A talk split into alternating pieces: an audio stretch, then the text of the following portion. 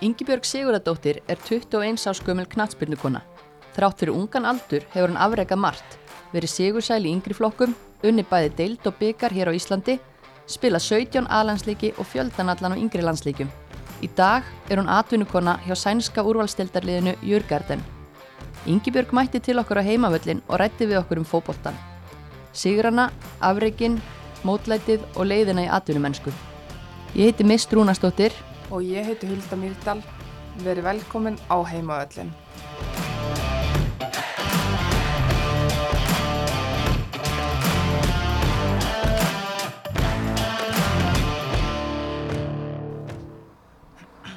Velkomin til okkar á heimavöllin, Yngibjörg. Takk hérlega fyrir. Hvernig er að vera komin heim í jólafrí? Ótrúlega næs. Ég er bara að lifa mínu besta lífi hérna á Íslandi og það geti ekki verið betri. Jólasnjórin komin og svona Ó já, Jólasnjórin, já. eitthvað lítið á honum. já. En mjög gaman að fá þig og bara ég er spennt. Ég er spennt hvað ég fæ að heyra núna næsta klukkutíman. Já, það er, hefur ímislegt hérna, drifið á þína daga og búið að hérna, vera svona, hvað segir maður, röð þróun í, í þínu ferli bara á stuttum tíma. Já, þetta ver, hefur verið svolítið rússi í banni núna.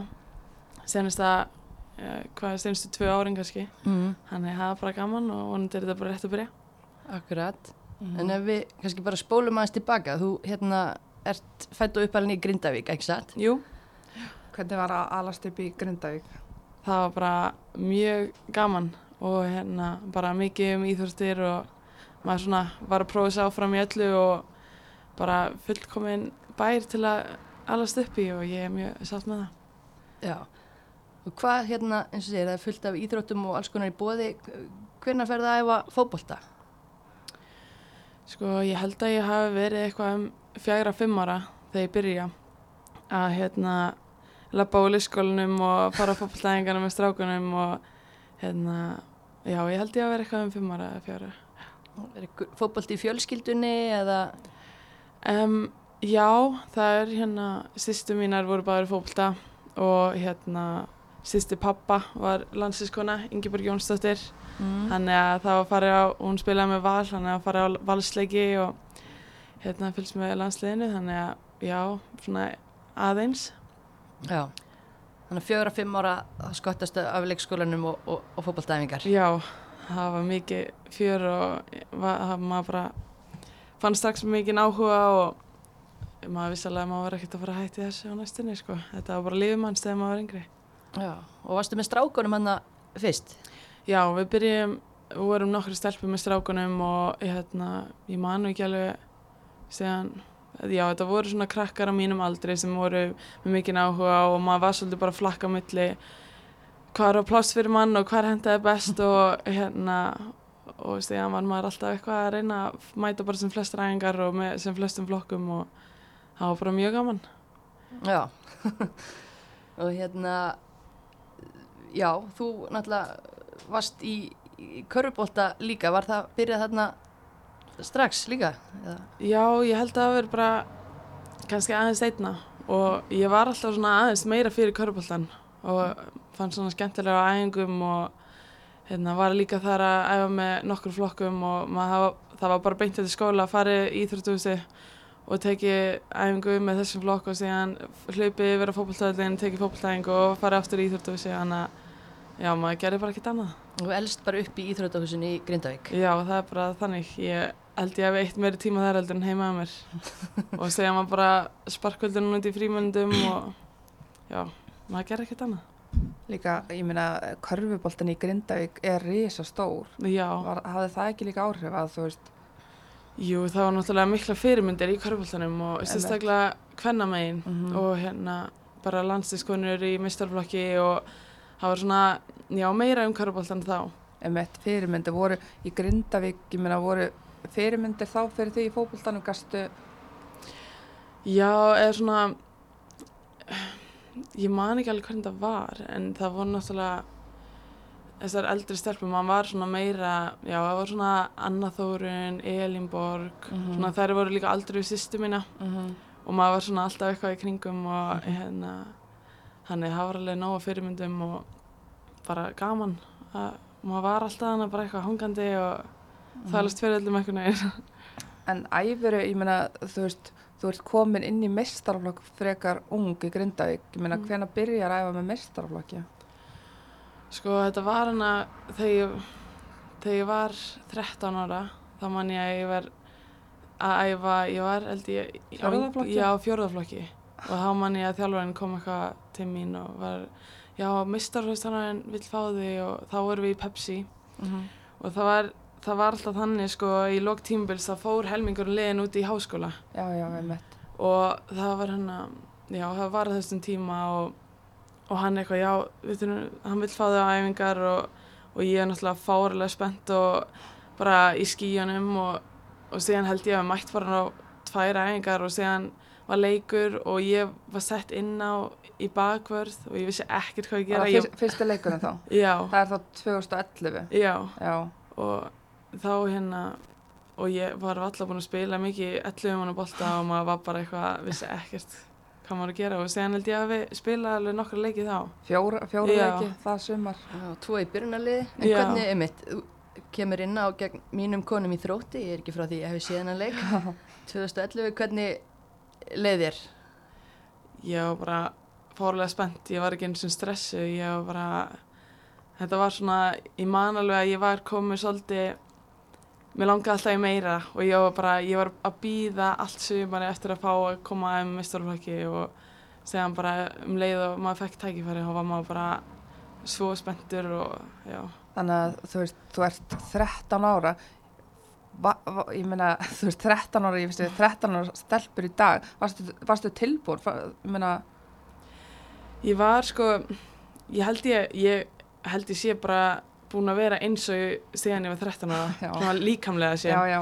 Og ég var alveg þannig stuð tilbúin og mér, ég náttúrulega er bara, já, með fárulega mikla kröður sjálfa mig og ég, mér fannst ég að vera tilbúin fyrir allt þarna og maður er bara svona, Mhm. já, það er ekkert að fara að stoppa mig, sko, og þannig, já. En þú náttúrulega, þú spila með þriðja og fjóruðaflokki þetta sumar, en þarna spilaru á miðjunni eða sem Mm varst ekki frammi líka og varst að skora og Já, ég var eiginlega bara allstaðar, út um allt. já. já.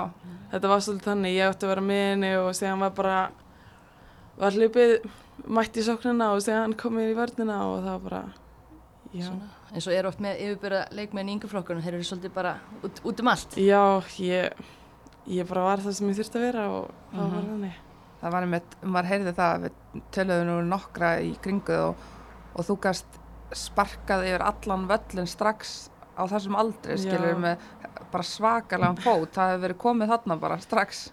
já, ég man ekkert í mann á var, voru að spila eitthvað leik og það var bara ég man ekki hvort að ég hef sagt það í þjálfarinn bara, herru, byrjum bara leikin og ég ætla bara, ég ætla bara að dundra á marki frá miðju og það var alveg gert nokkur sinnum bara að tekið upp á spyrnuna og bara reynda að setja hann á markið. Já, sérstaklega í sjömanaboltanum uh -huh, það var bara, já, beint að marki. Var þetta, þannig að þetta var bara, þinn líkamlega styrkur var strax komin þarna bara, já, mjög snemma sko. Ég man, ég var alltaf að pyrra með því að það var alltaf ekki dundra, please, nennir ekki að dundra og ég var alltaf bara, "Æ, þú veist, mér langar að dundra. Og bara ekki fara fast í mig og bara ég pyrraði mig svo mikið á þessu. Já, það var kannski ágættur er jafnaldra eina sem var að mæta þér að, fara hann upp í meistarölvökin. já, ég var líka með svo mikið keppniskap að það var bara, uh já.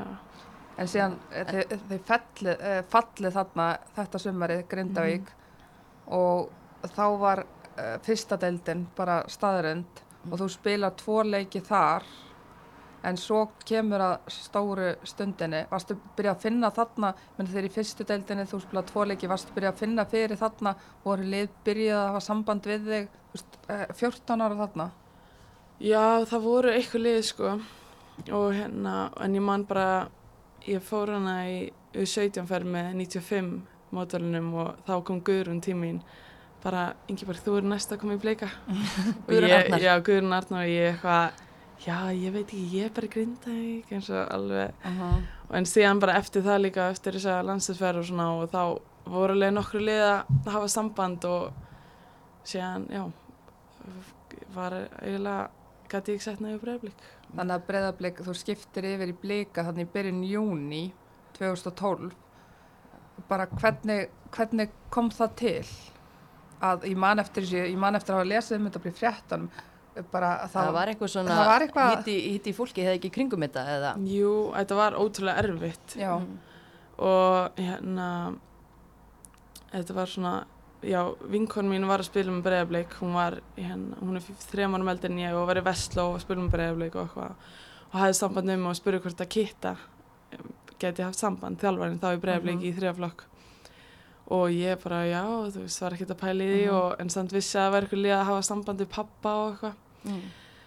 og síðan hafðum samband og þá fann ég alveg strax bara já, þetta er eitthvað sem ég langar og hérna, en samt ótrúlega erfitt að taka ákvörðun út að ég er svo mikið grindvikingur Mhm. og ég hérna, var náttúrulega búin að spila lengi og marga leiki Mhm. hérna, þannig þetta var mjög erfitt og maður fann alveg fyrir því að fólk var ekkert sátt með þetta Mhm. og, og maður finnur alveg ennþá í dag en þú veist, ég sé ekki eftir einu þannig það er ekki hægt að sjá eftir þessu núna en eins og þarna ertu 15 ára og þú ert ekki komið bílpróf við vitum um Grindavík er ekkert á næsta hodni, þú veist, þú þarft að keira þarna milli, hvernig var það? Varstu, voru það rútiferðir eða? Nei, bara mamma og pappi, ég á ángríns bestu mamma og pappa í heimi, ég skil ekki stundum hvernig, Voru þau alveg til í þetta, þú veist? Voru, já, þau bara, ég man, ég man ekki eftir augnabliki sem þau voru eitthvað að heikandi með þetta. Ég nenni Þau- ekki að kera Nei. Reykjanesbrautina. Þau allavega ekki, mig, ég veit ekki hvað þau voru að ræða fyrir aftan mig, en þau voru bara vissu að ég vildi þetta og þau veit alveg hvernig ég er og ég set mér há markmið og sem að hrætti þau stundum og leti vera stressuð en, Mm en þau, ég, ég bara man ekki eftir einu mómenti sem þau voru eitthvað, Býðu þau eftir á æfingum eða fenguðu þessu bara kaffi og... Sko pappi er náttúrulega bara með mjög mikið áhuga fyrir Já. og hann var bara að horfa á æfingar og hann er sjómar þannig að hann er alltaf mánu í burtu og síðan komin mánu heim þá horfum bara allar æfingar. Ok, geggjað. Já og síðan var mamma bara fann sér eitthvað að gera. Veist.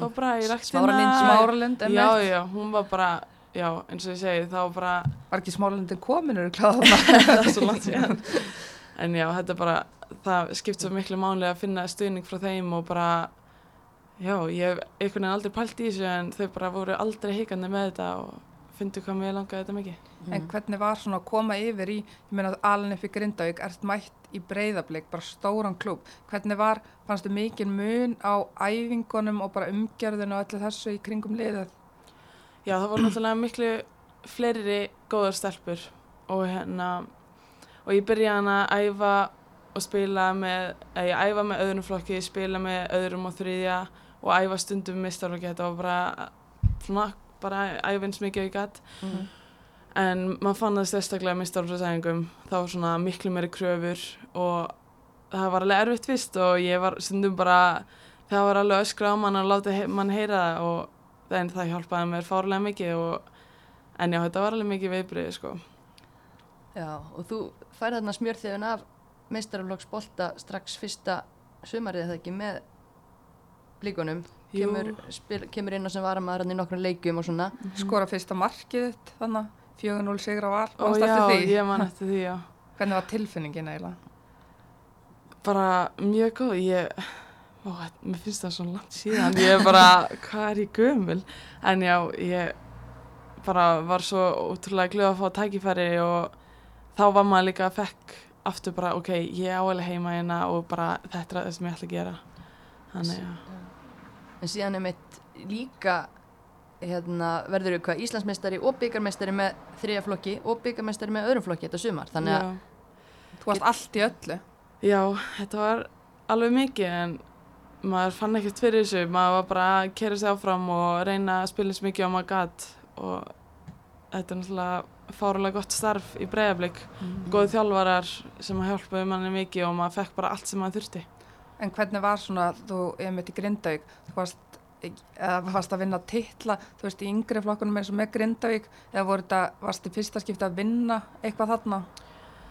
Já, ef maður var svona að vinna, það var náttúrulega einhverjir bjeriðlar og eitthvað Já, þannig já, og maður var alltaf að komast í eitthvað þannig en maður var aldrei að vinna neitt og maður var bara að tapa eins og móti breyðablík bara, þú veist, 10-0 eða eitthvað. -hmm. Þannig að þetta var alveg, og ég man alveg eftir að alltaf þegar við skoruðum með breyðablík, þá var maður alltaf að fagna ekki það mikið og maður fagnaði hverju marki svo mikið og síðan var ég alltaf bara stelpur, getur við fagnað þess meira? Og þá eru þær bara vana bara við vinnum eiginlega alltaf, þú veist, 7-0 ég er alltaf bara, getur við ekki tekið eitthvað fagn, það var alltaf verið grindað bara, herru, ef ég skora þá pussum við skóin eða tökum keilina hérna, maður bara Þannig að þú kennið þeim kannski þetta að það er gaman að skora, það er gaman að vinna. Já, ég held ég hafa alveg komið með eitthvað, Það getur sjálfgefið. nei, uh, Einmitt, er líka einmitt alveg þannig upp að þarna, já, en 2013 þá kemur enn eitt árið hjá þér.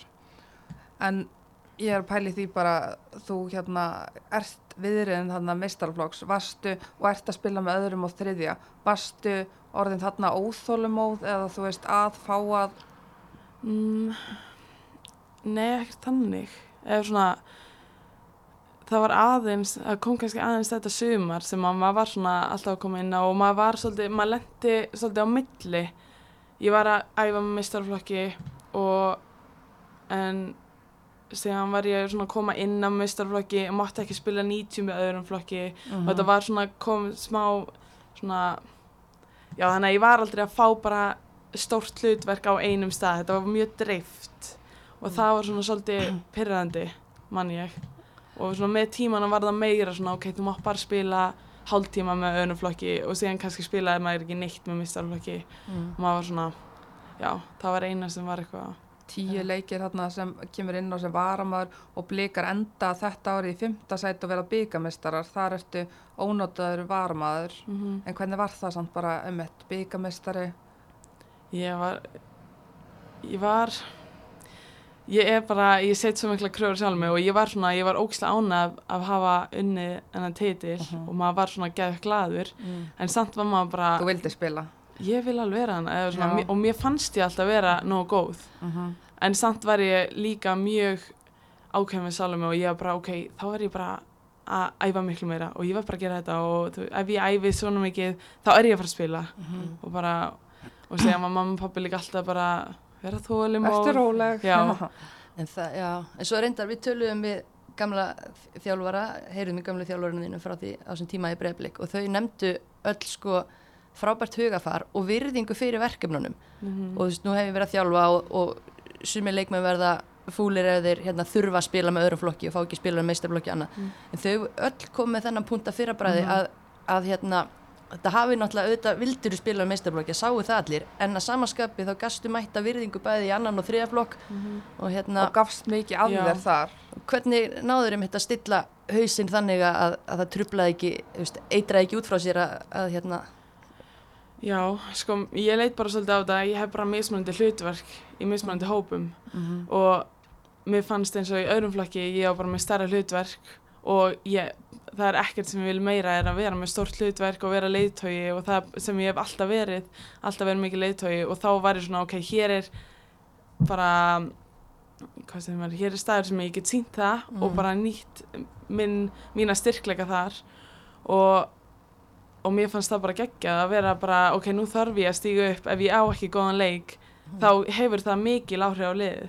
Og meðan ég var í meistarflokki þá var svona meira bara að læra af hinnum og gera mitt besta að koma inn á sem varmaður og nýta það mm. og gefa góða orku þannig, já, bara svona mismunandi hlutverk í þessum tveim hópum, meistarflokk og öðrum flokk Já. En nú sér maður líka einmitt ef maður skoðar tíman sem þú varst að spila með öðrum flokki líka, það gekk opuslega vel og þið verðið mm vinnið tvöfalt í öðrum flokki þetta Já. ár. Einmitt vinnið þetta þarna einmitt næst 2012 og 2013 Íslands og byggarmestari en ég verða að spyrja þig hérna 2013 þú ert að fara í gegnum allt þetta sem þú talar en þú ert í landsliðinu þarna í körfubólta líka. Hvað, þetta- með fleiri tíma í sólarringnum en við mist Sko, þetta var, mér fannst náttúrulega ótrúlega erfitt að hætti körfunni. Vera hættir í- þar? Sko, hvað var það? 2012 held ég sem að ég fór í breðablik Mm -hmm. Og þá held ég áfram að æfa aðeins fram á veturinn en síðan bara var það ekki að ég var alltaf að keiri í bæinn. Mm. og hérna og var svona að spila eitthvað spila einhverju leiki með grindag alltaf í körfunni þegar ég gat.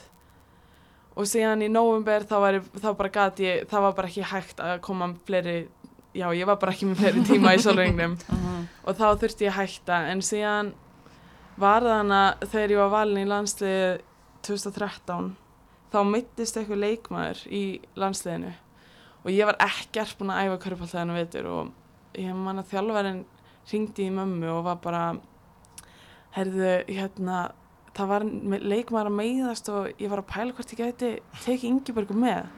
Og ég man ég var með mömmu þegar það ringdi og mamma var bara þú áttaði á því að hún er ekki búin að spila körpalltæð síðan í november á senast ári. Og hann var bara, já, æ, mér vantar bara eitthvað sem er fljóta veit hvernig það virkar og bara er fljóta að koma sér inn í þetta.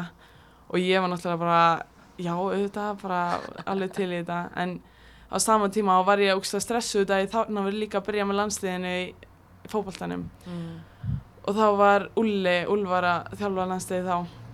Og ég var svo stressuð að bara þetta að ég í þess að landsinsmennu körni að hann myndi bara ekki velja mig aftur og ég, ég, bara, ég var að tala við hann og ég var að útskjörf fyrir hann og þetta er bara einn ferð og ég var bara að klára þetta. Svo er þetta búið. Já. og, og það var alltaf í hausnum að þetta er alltaf bara einn ferð. Já, eða svona, mér fannst það ótrúlega gaman en ég var líka, ég byrjaði alveg snemma að hugsa um framtíðina bara það er miklu fleiri möguleikar í fókbaltanum hvernig megin mm. og þannig og mér fannst það líka ótrúlega gaman og þetta var svona, já, bara mismundi hvernig. Hversu góð varst í kvörbólta? Greinilega, finnst það það er hægt að kalla það inn þegar þú ert ekki búin að vera að æfa. Ég held ég að vera mjög góð, sko. En hvernig fórst það því að hérna, velja millið? Var það bara einmitt út af möguleikarnir væri fleiri? Já, það var eiginlega bara þegar ég skipti breiðarblik og þá var ég bara tók ég þessu ákvörðun eiginlega þá bara hætti kvörfunni síðan en ég hef alltaf hugsað og mér var alveg búið að æfa með bregðarblík í körfunni en það var svona ég var meiri grindvikingur í körfunni heldur mm. en fókbaltanum og svona en það var mjög örfitt að hætta mm. Færðu stundum í körfbalta í dag? Já, maður er með körfi í bakarinn alltaf, tekið nokkuð skott Já En svo er það þarna, já 2014 þá ertu aftur emitt þá ertu með hvað, 16 leiki spilaða þar og hérna hvernig var það? Var, varstu að byrja þá eða? Um, mistar þú? Já, já uh, jú, ég held að þú hefur nú verið farin að byrja. Þá voru Guðrún Arnar og Ragnarbjörg eða ekki alltaf mikið í hafsendunum Já, það er ekkert auðveld að kempur að berjast upp plásum Þá var ég náttúrulega meira á miðjunni. Já, varst ennþá meira þar Já, ég fó bara í hafsendun þegar fyrir tveim árum eða eitthvað, tveim, tveim árum Var það ekki með U19? Ég heyri það að Óli Guðbjörns hefði hendir í hafsend. Já, það var mitt, það var, ég held ekki, það var fyrstkistum við fór, þá var ég tekið inn með þeim í U19 og sett bara í hafsendin mm. og þá var það svona að byrja þetta og... Takk Óli bara. Já. Já, hvernig, hvernig fannst þið það? Ég meina eins og þú talar um á, þú varst út um allt, varst á miðjunni, varst að skora mörg, skjóta... Já, það var alveg erfitt að þurfa að halda sér í vördunni, sko. Beislaði niður í hafsend. Já, það var náttúrulega, þá var ég að fara með 95 árgangnum og þá ég svo náttúrulega að fara upp í aðlandsliði bara. Mm. og fór ég svolítið inn í hennar stöðu. Og, hérna, og það var alveg mjög erfitt í byrjun að ég var alltaf laupandi fram og segja bara nei ég er í vördninni greinlega bara. Þannig en ég er mjög alveg núna. Já. ég er státt með þetta bara. Okay. En við líka. Hvað, varstu, hvað myndur þú segja þú veist þegar þú byrjar að spila þarna með U19 í hafstættum varstu lengi að ná þessu? Þú veist Nei, ég hef alltaf verið með fljóta mér inn í hlutina sko. Og ekki átt erfitt með að læra nýja hluti og nýja stöður. En þetta var svona, maður þurfti alveg að hemmi sig og hérna aðeins að læra að fylgjast með og bara nota svona, hvað, seg, hvað ég segja bara, já, nýta leiðtóð styrkleikana mm. og tala við fólki fyrir framann og já, það var bara öðruvísi. Já Og þú segir, þú varst að spila þá meira á miðjunni en þá í blíkonum þetta sumar. Já, okay. Þetta er náttúrulega svakalegt lið þarna 2014. Þetta er samt að það er áhugavert að skoða þetta 2014. Sonny, Fandís, Rakel Hönnu, Berglind Björg. Veist, þetta er svolítið mikið mm -hmm. með sömu stelpur og bara er, er í dag. Það hafa verið, já. Já. Og náttúrulega fleiri Andrija Rán og já. Já, fleiri. En já. já, eða þú veist, þarna ert þú samt þetta sumar, ertu, er það ekki rétt um mér, mikið varamaður eða Jú. og samt jafnaldraðinir farnar að spila þarna í liðinu. Aldrei, var það aldrei eitthvað að þú værir, væri ekki að ná að brjótað inn í liðið eða varst alltaf bara svona ég, jú, ég var alveg þetta tímbil var ég alveg orðin smá óþólmóð já, eða ekki óþólmóð út af mér fannst það var svona fyrsta tímbili sem mér var svona ok, er ég nógu góð? Eða svona, Mm. maður var svona kannski er ég bara ekki nógu góð og kannski þarf ég bara að leggja ennþá mér á mig þó mér fannst ég, ég var bara hvernig get ég gert meira? Þú veist, það var alltaf, ég var alltaf bara ok, ef ég vakna kljóðan þetta á mótnana, gerir þetta og ef ég mæti aðeins fyrir hana og tek hálftíma fyrir og tek langabolta eða þetta, var, maður var alltaf að reyna að finna eitthvað. Mm. og þegar manni finnst maður að vera að gera allt og samt ekki að spila þá er maður bara svona þó að ég sé alveg trú, mikla trúið sjálfur mér þá var ég samt bara þú veist, kannski er ég bara ekki nógu góð. Kannski eru þær bara miklu betur en ég og ég verð bara að býða Mm. einmitt búin að vera þarna þrjú tímabil er þá samt bara 17 ára. Já.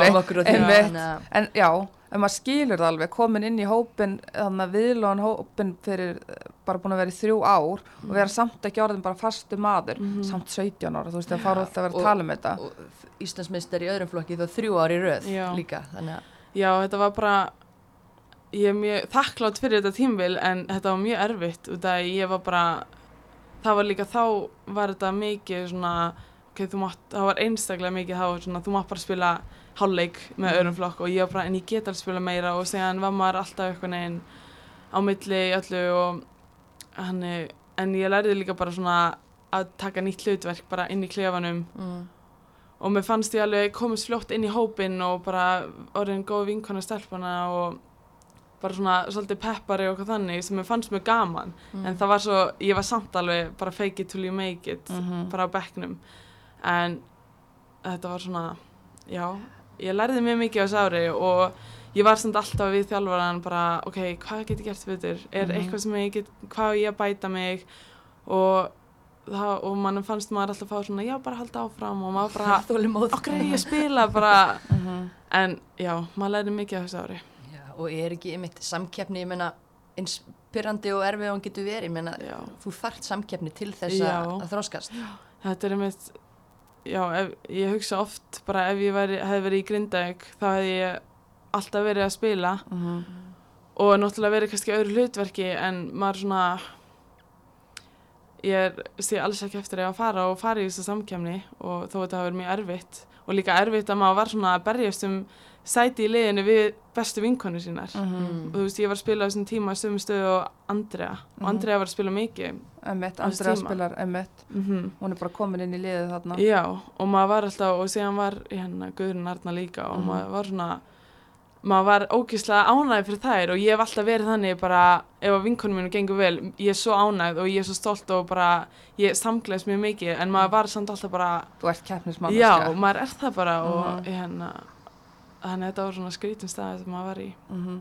en þú talar um þú veist peppar og þú ert jákvæð og þannig en þú veist þú ert grjót hörðu líka maður hefur heyrt það síðan Já. þú komst inn í liðið þannig að bara labbaðir inn á blíkaðingar þá, þá var ekkert bara það var no, no bullshit sko þú ert að segja Já. fólki fyrir og ert Ég sko, mér, mér finnst það svona miskilið að vera jákvæður og vera bara kröfuharður Mm. og, og vilja það besta fyrir liðið. Út af því mér, ég get alveg verið jákvæð og ég, get, ég rósa ef eitthvað gerir vel og ég rósa mjög mikið en ef að eitthvað drullast ekki til að hlaupa tilbaka þá læti ég hann að heyra það Mhm. og ef að hún er með eitthvað bullshit tilbaka eða fyrir eitthvað sár þá bara, sorry, bara ef að þetta hjálpa liðinu Mhm. þá er ég að fara að láta það vita og Mhm. mér finnst það alltaf lægi og út af þetta er liðsýþrótt og ég er alltaf að fara að gera það sem er best fyrir liðið Mhm. þannig að þetta er svona maður þarf að finna balansin og stu- Mhm. það var alveg mjög erfitt, ég manni grindaði þá var ég alltaf bara öskrandi og þjál, þjálfarinn er ofta alveg bara þú verður að vera jákvæð líka og þrósta og ég bara mér fannst það svo erfitt. ég vil vinna já, en líka bara þá spyr ég bara einmitt að koma þetta ungin í liðið. Nú byrjaði ég með KR uh, 15 ára og ég var með skítin í buksunum þegar ég mætti á fyrsta æfinguna skilur og þú það er bara einhvern veginn þetta magna að geta komið inn í svona stórt krát já. og verið samt bara, heyrðu, ég er bara mætt, Já. skilur það er ekkert allir, það er fullt af ungu leikmennu sem mæta mitt snemma og bara eru bara fara volandi heim og þetta var svo, þetta var svo mikið, þetta, mm. hérna voru svo góðar en þú bara einhvern veginn Sko, þær voru náttúrulega margar hana sem voru alveg grjótarðar, Birna Kristjáns markmaður, ég var skítrætt við hana en ég var bara, ég ætla ekki að láta það sjást. Uh -huh. og Ragnar Björg eina sem er góð vinkonum mín í dag, ég var svo hrætt við hana og grjótörð en maður það bara stundum að bara anda inn og út og þykjast bara að láta þetta ekkert hafa áhrif á sig. Og þá bara endanum hefur þetta ekkert áhrif á þig. Og maður já, maður læri líka þá ég læriði þá mest að taka bara gaggríni og Birna Kristjánus alltaf öskar, löftu tilbaka, elda mannin, elda mannin hu- bara allan tíman og, og síðan læri maður bara að taka þetta inn bara, ok, ég ger þetta og ekki hugsa um að hún sé að öskra eða Bara Þannig- læra. Já, og þetta var alveg erfitt fyrst, veist, stundum Guð, ég vorkinn með pappa stundum ég kom brjáli eftir aðeins eftir að ég tapaði eða eitthvað, eitthvað svona og maður var bara bara ösku yllur í bílnum bara talaði ekki neitt og þetta var bara En þetta brauti ekki niður, skilur, þú Nei. komst bara ennþá harðari. alls, bauð mér alls ekki niður bara hjálpaði mér fórlega mikið og Mhm. Já. Já, já, já, þetta er áhugavert. Þetta er mjög, bara já, en 2015 þá kemur að árinu sem er svona svolítið erfitt fyrir þig. mm Þú spila mikið snemma árinu og meiðist svo, hvað gerðist? ég hef svona dreif liðþóa á æfingu og það var einmitt bara svona fyrstu meðsli mín og ég var frá í einhvern, einna hálfa mánuð og það var svolítið erfitt að koma tilbaka eftir það og ég fór alltaf snemast að gera alltaf mikið. Og maður var svona meðan maður mittum maður bara ok, ég gera þetta, ég verð að gera þetta, ég er búin að missa núna úr einum hálfa mánuð, ég er bara þú veist, ferillin er bara ég hættu, maður er bara svo dramatískur. En, og síðan byrjar maður bara að stemma og, og hérna og síðan er maður bara ungur og heimskur og segir ekki frá að maður sé illt og síðan er hana landsinsverkefni og sem ég fannst bara mikilvægasta landsinsverkefni á ferlinu mínum og ég bara þurfti að spila alla leiki og þetta var mjög erfitt og ég man fyrir seinar, ég man, þetta var reyðlega keppnina með U- 17 og 19 Mm. Og ég var bara fyrir steinasta leikin ég var bara grátandi í sjúkarnanum bara ég verði að spila en leik. Mér saman hvað við gerum hérna mér teipaði það saman. Ég verði að spila en leik. Og það endaði með því og síðan bara fekk ég brjósk skemmtir og eitthvað vesen hér og var aftur frá í eitthvað þrjá mánuði. Einmitt. hann Þannig að er, ráð til óþólum móðra ungra leikmanna. já bara þú veist, ferill, ferillin er ekki á the high þegar þú ert átjónar eða eitthvað Já. og bara hugsa, veist, ég er ennþá að fá vesenni nýja bara bólun upp og eitthvað, bara þetta í þessum skemmtum þú veist, maður á ekki maður á ekki að eðalega nýja sér þegar maður er 17-18 ára, það er bara Einmitt, það er En, líka einn leikur til að frá skilur, Já. frekar að hugsa þetta til lengri tíma skilur, já, hvernig líka menn en þetta var bara það er náttúrulega, maður er svo mikið kemnismannskja Mhm. og maður vill svo mikið og maður, manni finnst bara hver æfing skiptir máli. Mm og maður vill gera allt 100% allan tíman og síðan þegar maður næri því ekki þá er maður bara það, já, bara hausinn tekur yfir og en nú er nú hérna spilaði þú lítið þetta sumar. Að einhverjum ástæðum voru engir titlar þá í, í hérna öðrum Öðrum flokki hmm, Já. hvað er þetta ástæðu?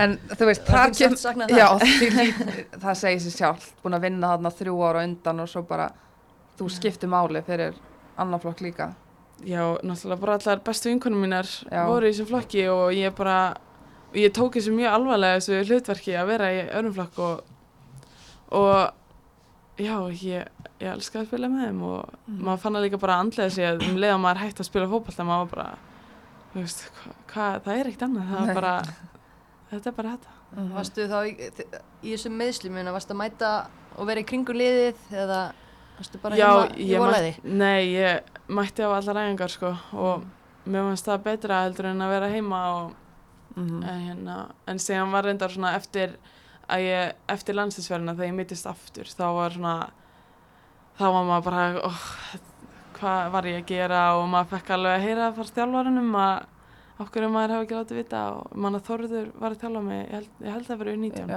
Já. Þorður var að þjálfa mig og hann var alls ekki sáttum með mig kallinn. Nei, það er ekki, ekki gaman að hafa hann hérna breglaðan út í sig? Nei, það, ég mæli ekki með því, sko.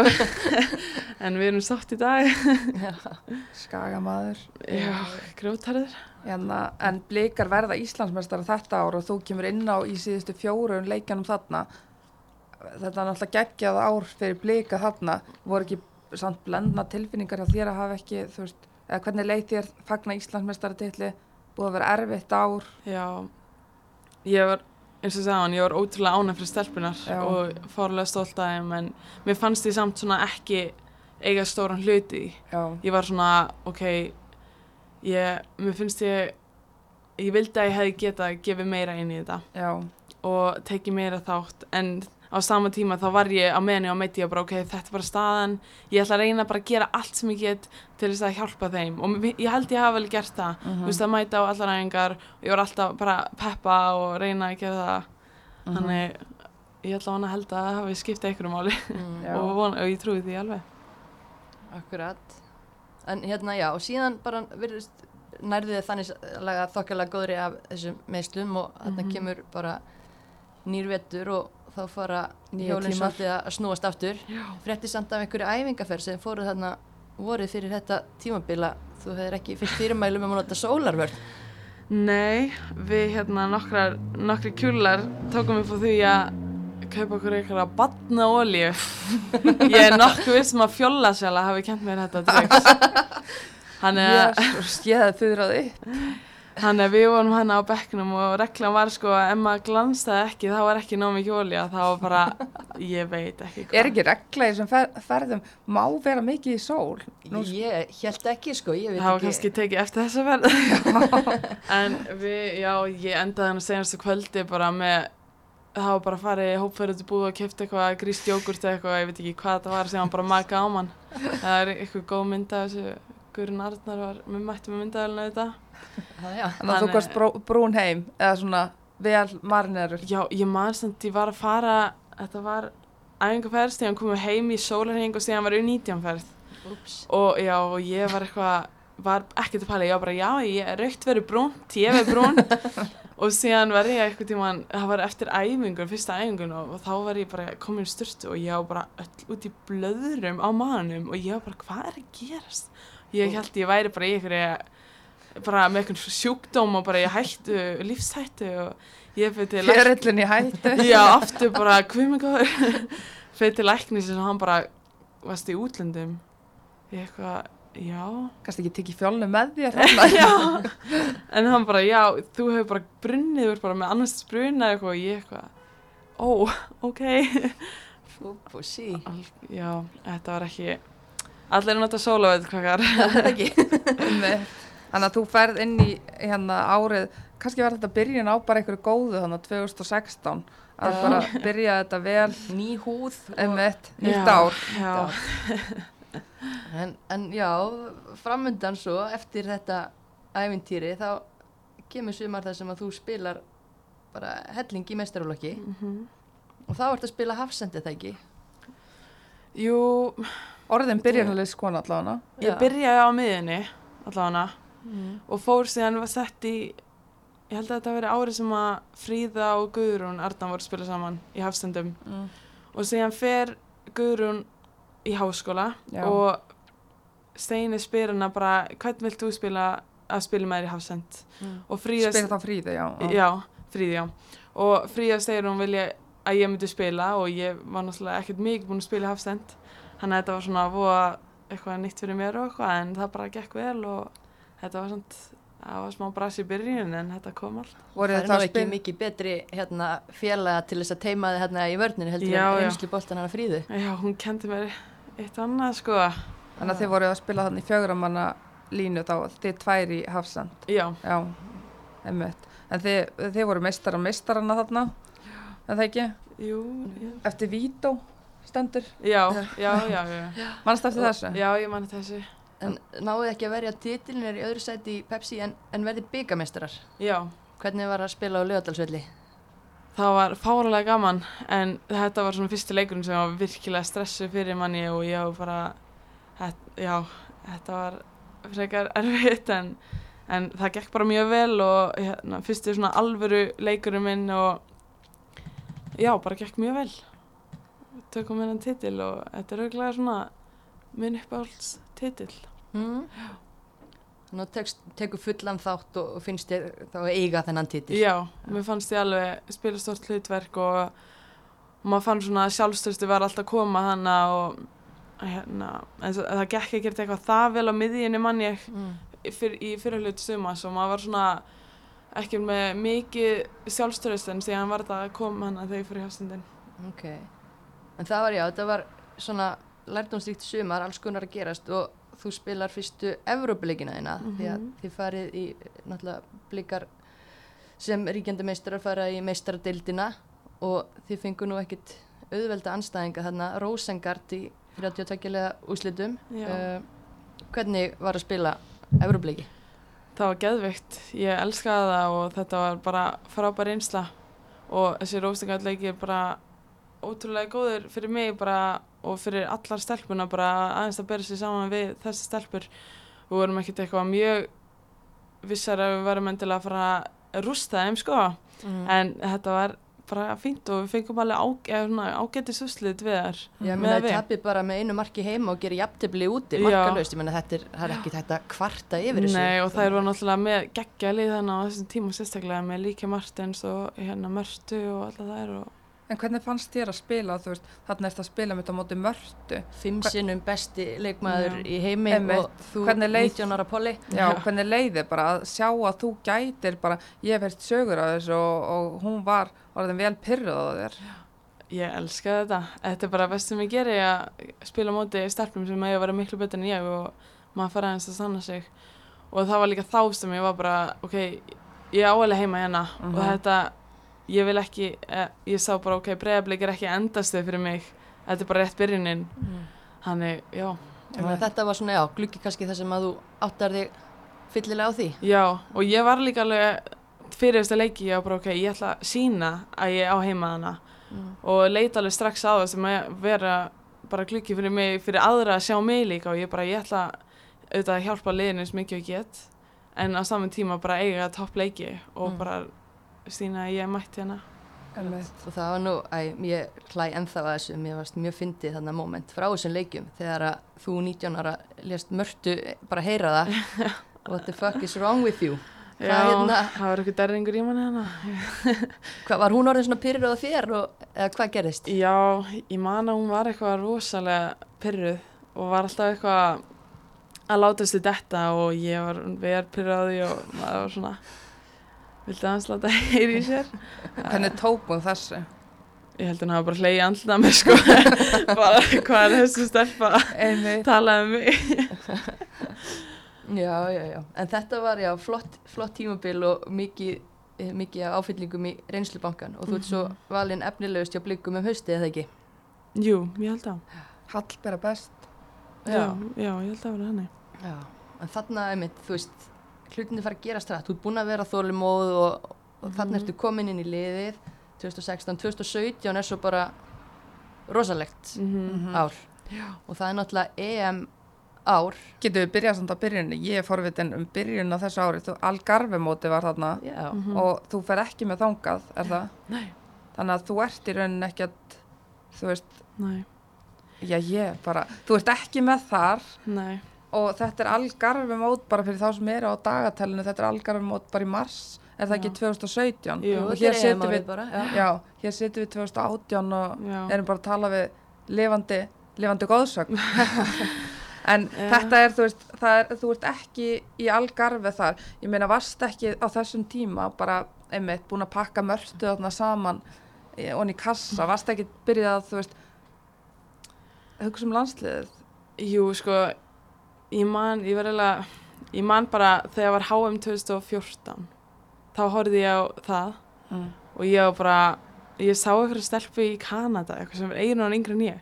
Ég var bara, hvað er þessi, okkur er hún þannig, ég langar að vera þarna, bara, ég var bara, ok, þú veist, það, eftir tvö ár það ætla ég á EM, bara, ég, það, það er bara staðan, ég ætla ekki að stætta mig við eitthvað minna. Mm. Og síðan kom hana erfitt tímabil og, og ég var bara, þetta er ekkert að fara að ganga upp Mm. og ég man ég talaði við einhverja einhverjum, eitthvað bara alls konar fólk og, og staðið markmiði mín og bara já eftir, ég ætla að fara hjem eftir tvö ár og og ég held síðan aðvunum mennsku eftir þrjú ár. Og þau bara, já, veistu viltu bara ekki setja þér eitthvað runnsæð markmið og ég var bara, runnsæð markmið ég hef aldrei heyrst um þetta áður. Ég var bara, já, ok, bara Ég tala við einhvern annan já, bara. Ég, þetta var svolítið þannig, ég var bara, og síðan var ég bara, ok, ég nenni ekki að re- reyna að stegja ykkur mynda lengur og ég bara, ok, ég ætla bara að æfa og ef ég æfi, þá er ég að fara að komast. Og síðan hérna virtist það getið eitthvað að vera að ganga og ég var búin að, búin að ákveðilega ég ætla að fara í háskóla bara út í, til bandarækjana og svona plan bíla Mm. og síðan spilum við þessa rósingarleiki og ég var bara, þú veist, ég álega heima hérna og þú veist, ég get þetta alveg, hvað, ég ætla ekki eitthvað að hætta. Og síðan var ég valin á okkur svona, það var eitthvað svona U23 slash aðlandslið æfinga, æfingahelgi eða eitthvað. Já, og mér fannst ég alveg ágætlega góð þar og fór á fyrsta æfingarna með Freysa sem þjálfara og, og ég var ekki ok, þú veist, ég ætla bara að láta reyna á þetta og vissi að vera æfingar í janúar. Mm. og síðan man ég, ég var ekki valin á þær æfingar og ég var bara hvað er að honum bara, en ég var bara ok þú veist, ég var bara aðeins meira. Og síðan var ég ekki valin á Algarvi og þá var ég bara oh, hvað?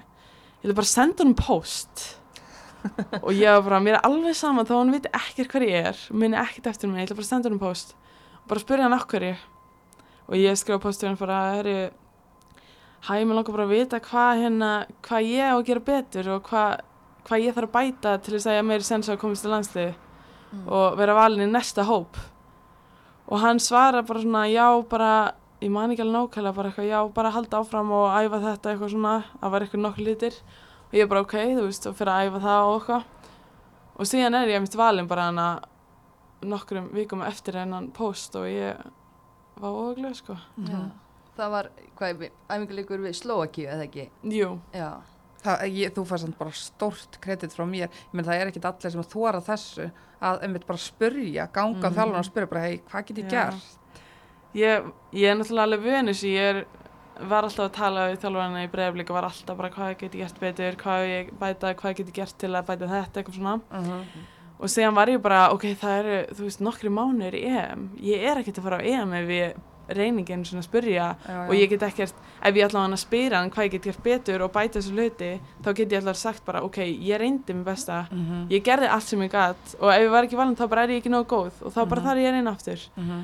Þannig, já, ég var bara, þetta var eiginlega bara svona svolítið fuck it moment, bara ok, ef hann veit ekki hver ég er, þá bara, þá veit hann allavega núna og hann veit að ég er reyna. Einmitt, Mm. og sjá þá ekki eftir því að hafa ekki sendt, skilur, Já, postin eftir á. ég mitt, þannig, Heldur að pósturinn hafi átt stóran þátt í að hann veluði næst? Eða, ég veit það ekki, ég, uh, kannski, ef, ef ég hugsaði líka, ef ég verið þjálfari, þá myndi ég vilja vita, leikmaður verið áhugaðsamur að, að vita hvað hún getur gert betur og mm hérna, og já, Líka nefnitt nákvæmlega það, þú ert ekki að senda post bara, heyrðu, ég, ég var ekki valin, bara veistu Já. ekki hver ég er, bara hvað get ég gert nú, Mhm. bara ég til að hlusta, Já. ég til að læra. Já, þó, þó ég var alltaf, ég var alltaf pyrruð að hafa ekki verið valin í byrjun, en ekki miskilur samt, ég, ég bar alltaf mjög mikla virðingu fyrir valinu og þetta var meira svona pyrringur í sjálfa á mig, bara, byrju, hvað er ég að gera veittist, okkur er ég ekki að ná þessu, okkur er ég ekki að bæta mig eins og ég vil? Og okkur er ég ekki ná góð,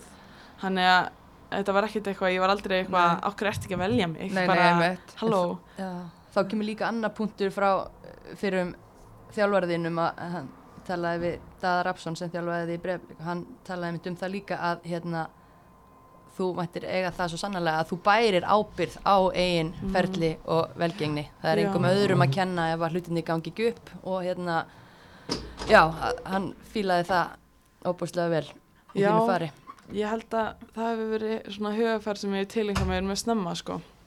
Bara það er engin annar sem að gefur mér velgengni og það er engin annar sem er eitthvað að fara að eyðilegja eitthvað fyrir mér. Það ég hef alltaf stjórnaði hvað ég geri Mhm. og hérna það er bara, já, þó þetta sé leiðist íþrótt þá er þetta samt ákveði ferli fyrir hvern einstakling Mhm. og bara ákveði markmið sem hver og eitt setur sér Mhm.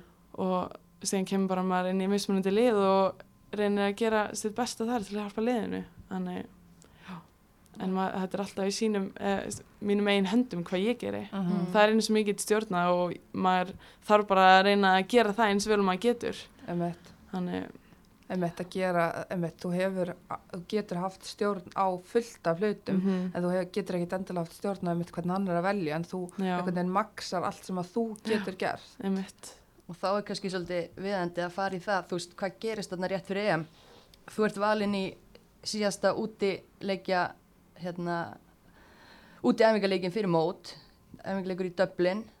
Anna Björk búin að vera að spila í þryggja hafsendikjærunum með Glótis og Sif, mhm, tognar á æfingu fyrir leik, mhm, hérna, og þú færð óvænt, bara mjög óvænt tækifæri í byrjunarliðinu. mhm, Og þú er bara verið þar, Þú er ekki Síðan. leitið tilbaka. nei. hvað hérna, þú veist, í fyrsta leið bara þegar þetta kemur upp að þú er að spila, ég menna þetta var bara á síðustu stundu eða ekki, þannig lagað. Jú, en hérna, já, ég er bara, ég veit ekki, ég, ég fór samt bara inn í eitthvað bara mindset, bara ok, þú veist, ég hef ekki tíma til að vera stressið núna. Uh Ég hef ekki tíma til að panika leikurinn á morgun, EM er eftir, þú veist, ég veit ekki hvað, einn og halva mánuð. Ef ég er að fara að klúður þessu núna, þetta er bara mynd, þetta er mitt tækifæri. Mm. Þannig, maður var svona, Þannig að þú varst ekki í rauninni, sumir fá tæki fyrir að vera hrættur um að klúðra, þú varst í rauninni bara spennt að sína hvað þú værir, já, bara spennt að sína að ég geti þetta alveg og ég á alveg heima hérna. En síðan náttúrulega mjög gott líka við Freysa þjálfara, hann svona hann gerir mann ekki hrætta með að gera mistök. Mm. og hann let mann alveg vita bara að þú veist, þú, þú ger, ég veit alveg hvað þú getur. Uh ég treysti þér fyrir þessu. Og það skiptir svo miklu máli, ég fann að hjá Freysa og Steina Mhm. þjálfara bara, þeir gefa manni traust og það er bara það besta sem þjálfara getur gefa manni Mhm. og að þurfi ekki að vera hrættur að gera mistök Og Bara- geta meiga að gera Já. mistök, þú veist. einmitt og þetta, já, það skiptir bara öllu máli En svo er þarna leikur einmitt á móti Brasilíu eftir á Mhm. og þá varst þú einmitt í, í mann eftir þessum leik bara, þú komin inn í liði þar á móti þessu bara, fara aftur að hitta mörtu já, geggjaða liði Mhm. og maður hugsaði bara einmitt, hvar hefur þessi verið, þú veist. En líka bara, já, hvernig var, þú veist, þú spilar hennar leik út í Dublin hann hérna, kemur svo heim síðasti heimaleikur fyrir mót þú ert að spila á laugardagsvelli fyrir landsliðið fyrsti aðlandslengurinn heima Var ekki Já. líka fullt af fólki að það? fullt af Jú, fólki. ógeðslega mikið. Þetta var bara, ég get ekki líst tilfinningunni, þetta var, þetta var bara draumur að rætast og já, ég var bara, þegar þjóðsengur var í gangi, ég var bara, maður fekk svona bara, er þetta að gerast? Uh -huh, Þetta var fyrst þá sem maður var bara, ok, ég er bara hérna uh -huh. og, og þetta var alveg erfitt moment sko, en þetta var svona, þetta var geggjaða leikur og bara í orkan og já, náttúrulega 1-0 1-0 tap en Já. samt sem áður þetta lið. bara fýll leikur sko, þannig sé og þarna varstu búin að spila tvo síðustu leiki Íslands fyrir hérna EM en jafnframt þína tvo fyrstu landsleiki mm -hmm. Mm -hmm. sástu fyrir þér þarna að þú væri að fara að halda þessu byrjunalið sæti inn á EM, risa móti Og ég meina að þú spilar allan leikinu á móti Brasilíu, Freysi gerir sex skiptingar Mhm. þarna og er svolítið að bara leifa fólki að spila en þarna ertu spilar allan leikin, hann Mhm. vildi sjá þig greinlega í þessum leik. já, ég bara ákvaða að ég ætlaði bara að vera hana og já, ég var ekkert að fara að klúra sig hana og vera svo nált þessu og, og maður er svona maður steytur sér alltaf markmið og síðan emma er alltaf með drauminn eða Mm. draumamarkmið aftast í hausnum og síðan emma er svo fljótar að skipta úr bara, ok, ég er komin landstegi þá bara verð ég að gera þetta, ég verð bara að byrja mm -hmm. bara, ég ætla ekki að koma í landstegi til að sitja bekknum ég ætla bara að hafa eins mikil áhrif ég get og hjálpa eins mikið og ég get og þannig ég bara ákvaða að ég ætla og veist, ég var eitthvað nokkur leiki á bekknum með landsteginu fyrstu ferðinni og ég bara ég, ég, ég, gata ekki. Ég var bara, ég var að spila. En einmitt, þó að þú hafið gert allt rétt og vallast í fylspor í þessum leikjum, ég menna það hefði ekki verið óæðilegt ef Freysi hefði aftur farið í reynsluna kannski Já. fyrir móti, ég menna varst ekki trætt um að það myndi geta gerst? Jú, auðvitað, ég var alveg ég var ekkert eitthvað vissum að ég var að fara að byrja og, hérna, og ég var alveg mjög stressu fyrir því Mm. en síðan verður maður bara líka hugsa bara ok, ég er komin hingað ég, eins og bara á EM, bara ég er komin í hópin núna skiptir það ekkert máli hvort að ég sé að fara að spila eða ekki bara við erum á EM ef að einhver annar er betri en ég fyrir þennan leik eða eitthvað þannig, þá bara er það þannig Mm. og á svona stóru móti það þýðir ekkert fyrir mig að vera eitthvað ég verð að spila eða þú veist, ég, ég þetta er ömulegt ef ég spili ekki, eitthvað svona þú veist, ef að hann telur að þetta leysi best, þá er það bara þannig Mhm. og ef að það verður til þess að við vinnum leik að ég er að bekknum þá bara tekum maður því og Mm. maður verður bara að gera það en auðvitað vill maður spila alltaf leiki þannig Mhm. þetta er svona En hvernig var, ég minna, að við pakki töskuna fyrir EM, búin að bara nýkomin inn í þetta, var þetta ekki órunverulegt, eða þú veist, eða fannst að bara, þetta var það sem þú ættir að vera, já, þetta, ég, s- hva, Já. þú veist, hvað, hvað hugsaður um fólki sem hafði sagt við þig bara, heyrðu, þú ert bíluð, að þetta sé markmiðin, mér langaði næstu að senda þeim e-mail bara hæ, ég er að fara á EM Senda þér mynda þeir í draktinni, Já. EM-draktinni góði. Nei, ég bara það, ég var bara mjög ánægð að hafa náð markmiðinu og ég var bara og ég var svo ótrúlega spennt bara að gera meira Mhm. og það var aldrei eitthvað sem ég var bara svona sátt bara, ég man ekki eftir því að hafa verið bara ok, ég er bara komin hérna og þetta er bara komið En ef við veist, ræðum aðeins um mótið, þetta var náttúrulega, það voru mikla væntingar og það var all, allir tilfinningaskalin væntalega Mhm. að vera þarna, það var það fyrir áhórundur, þá hlýtur að Já. væntalega hafa verið margvalt fyrir leikmenn. Já, þetta var algjör úrsýpanni og ég held að það hafi verið svona fótballtilega séð var, alveg, var ég alveg komin á réttan stað. En síðan var svona, fann maður alveg andlega og bara allt áriðið, öll umfjöllun maður var ekki vanur þessu. Og maður hefði valla farið í viðtal áður og síðan var allt í hennu var, var maður bara að lesa um sig á netinu bara, þú veist já, þetta var svona, það var alveg sjokk. Of mikið? ég veit ekki hvort það hafði áhrif en mér fannst ég samt alveg ná að tækla það en maður fann það mest eftir mótið. Mhm. ég var bara, maður var bara búin á því og maður var bara, já bara hvað gerðist eiginlega? Bara hvað er búið að vera að gera steinstu vikunar maður bara, þetta var allt svona Þannig að uh, ef við byrjum kannski bara á Fraklandsleiknum, þú byrjar Mhm. þar í, einmitt, þegar spila, eh, spila þetta þryggja hafsenda kerfi, var það, fannst þér að breyting frá því að þú spila eins og í blikum, var, voruð þið búin að vera tvær í vörnið, þannig eru þið þrjár með vangbakverði, þú veist, var þetta eitthvað, þú veist, gasta hoppað inn í hvað sem er? um, mér fannst ekki erfitt að koma mér inn í þetta en það er náttúrulega við náttúrulega fórum mjög vel í gegnum þetta allt og ég Mhm. þurfti náttúrulega þær voru búin að vera að æfa þetta á algarfi og svona en ég náttúrulega fylgdist mjög mikið með í þessum leikjum sem að ég tók ekki þátt í og undakefninni út að ég ætlaði að vera hana ég var bara og ég maður var búin að undirbúa sig. Og en síðan náttúrulega eins og að hafa sif við hliðina á sér, maður bara, það er ekki hægt að vera stressaði með hana. Hún er svo bara, hún það er bara svo mikið draumur að spila með henni og hún bara hún tala svo mikið og það bara maður var aldrei eitthvað óöryggur í stöðinu sko. En þetta var náttúrulega algjör, húst, vombriða leikur hvernig hann einhvern veginn klárast. Mm. þegar í flottan leik, ekki framist að kemur þarna svona ósangjart ja, eða ódýrt hérna viti í lokin og einhvern veginn það var svona svolítið umtal þessu móti að það moment hafi svolítið brotið liðið, Mm. slegja niður. Hvernig svona upplýðið þú að, að tapa þessum frakkarleik á, á svona tæpu viti á loka mínútonum bara ég var bara sár. Já, mér fannst bara eins og ykkur hafi bara stólið ykkur á mér. Ég var bara við- áttum skilið eitthvað út úr þessu. Mm. og bara maður var, já, maður var svo tómur eitthvað eftir þetta Mm. en hérna, og síðan er náttúrulega svo stutt á milli leikjana og hérna, það er annað sem að, maður var ekki vanur Mhm. og eins og í breyðaflik, maður var bara það var alltaf bara uppleið eiginlega, Mhm. en síðan svona þurfti maður að læra rætt og þetta var, já, ég var bara mjög sár eftir hann leik Heldur að liðið hafi kannski ekki náð að jafna sig nógu vel til dæmis fyrir næsta leik mútið Sviss sem var svo ekkit, Mm. ekkit spes þannig að ég veit ég veit það ekki alveg, mér finnst svona þetta var kannski misjamt við vonum kannski að ég veit ekki, það er náttúrulega fyrir ótrúlega mikil orka í þennan fraklandsleik Mhm.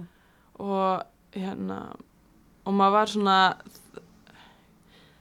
kannski endan á svisleiknum þá var maður bara ok, þetta er bara ekki að fara að ganga upp eða, það bara virtist eins og þetta væri bara ekki þetta væri ekki ætlað að gerast Mhm. og maður fann svona ákveði vonleysi kannski bara svona ok, þú veist, þetta er bara svona er þetta bara Mhm. en hérna en ekkert eitthvað, mér fannst ekki fyrirleikin mér fannst ekki eins og við vorum bara búnar á því eftir hinleikin Mhm. en bara svona þegar leið á leikin þá var maður bara svona ok, bara svona er þetta Mm. Þannig að já, þetta hefur náttúrulega verið mikið reynsla og svo, þú veist, klárast þetta á austuríkisleiknum og það er náttúrulega alltaf að vera gáðar eftir og ég meina, er eitthvað sem að þér finnst að þið hægt að gera öðruvísi þarna? En þú spilar, þú ert á bekknum, er Mhm. það ekki í þeim leik? Jú, Hvernig var það að þú veist, að síðasti leikurinn á EM, þið voru búin, þetta voru komin tvö töp, svo ertu sett á bekkin, það lítur að hafa verið, já, ég var náttúrulega mjög pyrruð sko, eða ekki pyrruð ég var svona sárið til sjálf mig bara, vá, ég hérna ég hef bara greinlega ekki verið nóg góð í hinu leikinum og síðan verði ég að horfa á þennan steinasta leik á þessu stórmóti. En síðan bara talaði Freysi við mig og sagði að þetta væri ekkert eitthvað um framistöðu mín að, segja. Þannig sé og hérna og maður bara tekur því og en, en hvernig var þá eins og, ég meina ég pakkaði í tösku og fór til Holland, það voru allir þarna komnir að horfa, bara Íslandika flyktust, hvernig var þetta að horfa upp í stúku einmitt og sjá bara Íslandika út um allt, það var gekkja ég get ekki ég get ekki listi í hvað það bara hvað skipti miklu máli. Bara svo miklu máli og það, það gerði þetta líka erfiðara að maður var bara vá og það er bara allt þetta fólk komið og við erum búin að fá svo góð umfjöldun bara allt sem við vildum. Og síðan fer þetta svona og maður var bara já, þetta var mjög erfitt en uh, bara reynsla. Já, en, En- þú veist, já, Nú er alltaf þýr ekki að spyrja þig að því að þú setur alltaf há markmið en var liðið sem heild að setja sér of há markmið eða þú veist, Nei, ég meina við gátum ég sé ekki alveg ástæðan að fara stórmót og setja sér markmið að vera að vinna eitt leik mm eða eitthvað svona. Mm. og þú veist, við ættum að koma okkur upp úr reylinum og hvað, okkur ættum að setja markmið að vinna eitt leik í útstaltakefninni eða Mhm, þannig? Einmitt. þú veist, þetta er bara eitt leikur eða vinnir það heldur áfram Mhm. og af hverju ættir ekki að setja markmið að vinna hvernig næsta leik? Einmitt. ég bara skil ekki alveg þá gaggríni þetta var einmitt svolítið umræðan eftir mót. Ég meina þetta hlýtur að hafa svolítið pyrrað ykkur já, getniskonunnar já, því mér fannst það, mér fannst það bara mér fannst þetta ekki rétt gaggríni ég var bara svona, Mhm. af hverju ætti maður að setja svona markmið Einmitt, þú veist, ég bara skilja það ekki og ef, ég, ef við myndum hafa setjast niður fyrir mót bara, herri, já, við ætlum hérna, ég reyna okkar besta og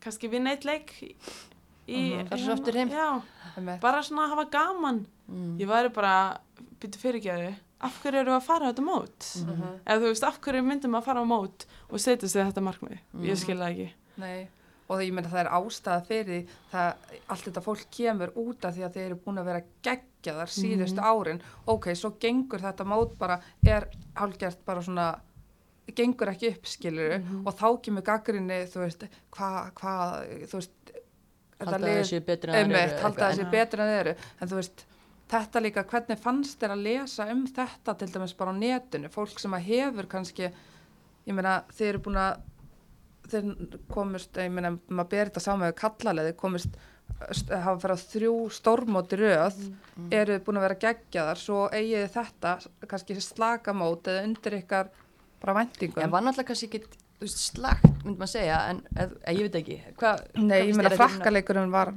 framist það en svo er spurning hvað gerist eiginlega í þessum Já. setni tveimur og þú veist það er kannski eiginlega spurningamarkið Mhm. sem ég hef eftir mótið einmitt. bara með hausinn og andlegu hliðina Mhm. en hérna, þú veist hvernig var eftir leikin til dæmis, ég meina kannski ekkit eitthvað umtala eftir frakkarleikin þetta var náttúrulega bara geggjalið en svo eftir til dæmis svissleikin voru þið, ég meina þið fylgist með samfélagsmiðlum Já, þetta var alveg erfitt sko og þetta hafði alveg áhrif á mann og sjálfstöðstuð og en hérna það er líka eitt af því sem maður lærði á þessu móti bara að maður veit sjálfur best Mhm. hvað hvað, hvernig framistæðan var.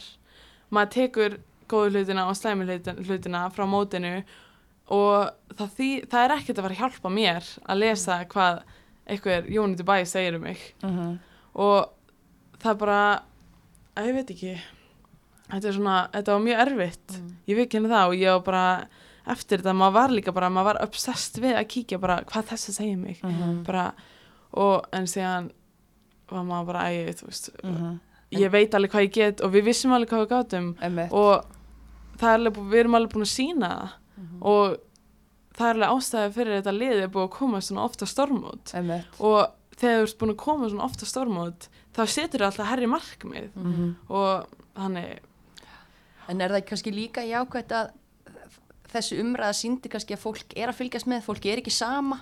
Já, auðvitað og auðvitað vill maður fá að fólk hafi skoðanir Mhm. og maður er gaggrinu við sjálfur þegar okkur að- með má ekki annað fólk vera gaggrinu á mig Mhm. en hérna maður þarf bara að læra að taka því og, Og Og velja út. því Einmitt. já, og líka velja út hvað ég ætla að taka inn Einmitt, ætlar að vera að lesa kommentin á DFF, þú veist, eða, já, er svona ætla ég að segja, þú veist, já, einmitt, bara ég get verið sammála ykkur í gaggrinu og verið bara, já, bara þetta er rétt og ég tek Mhm. þessu bara Mhm. og ég ætla bara að vinna í þessu Mhm. en síðan er eitthvað sem bara meikar ekki sens og maður er bara í stæðan fyrir að láta það pyrra mig þá bara ok, bara þú hefur þínu skoðun bara flottið þér ég er ekki sammála já, bara ég er ekki sammála en bara gott að fylgjast með.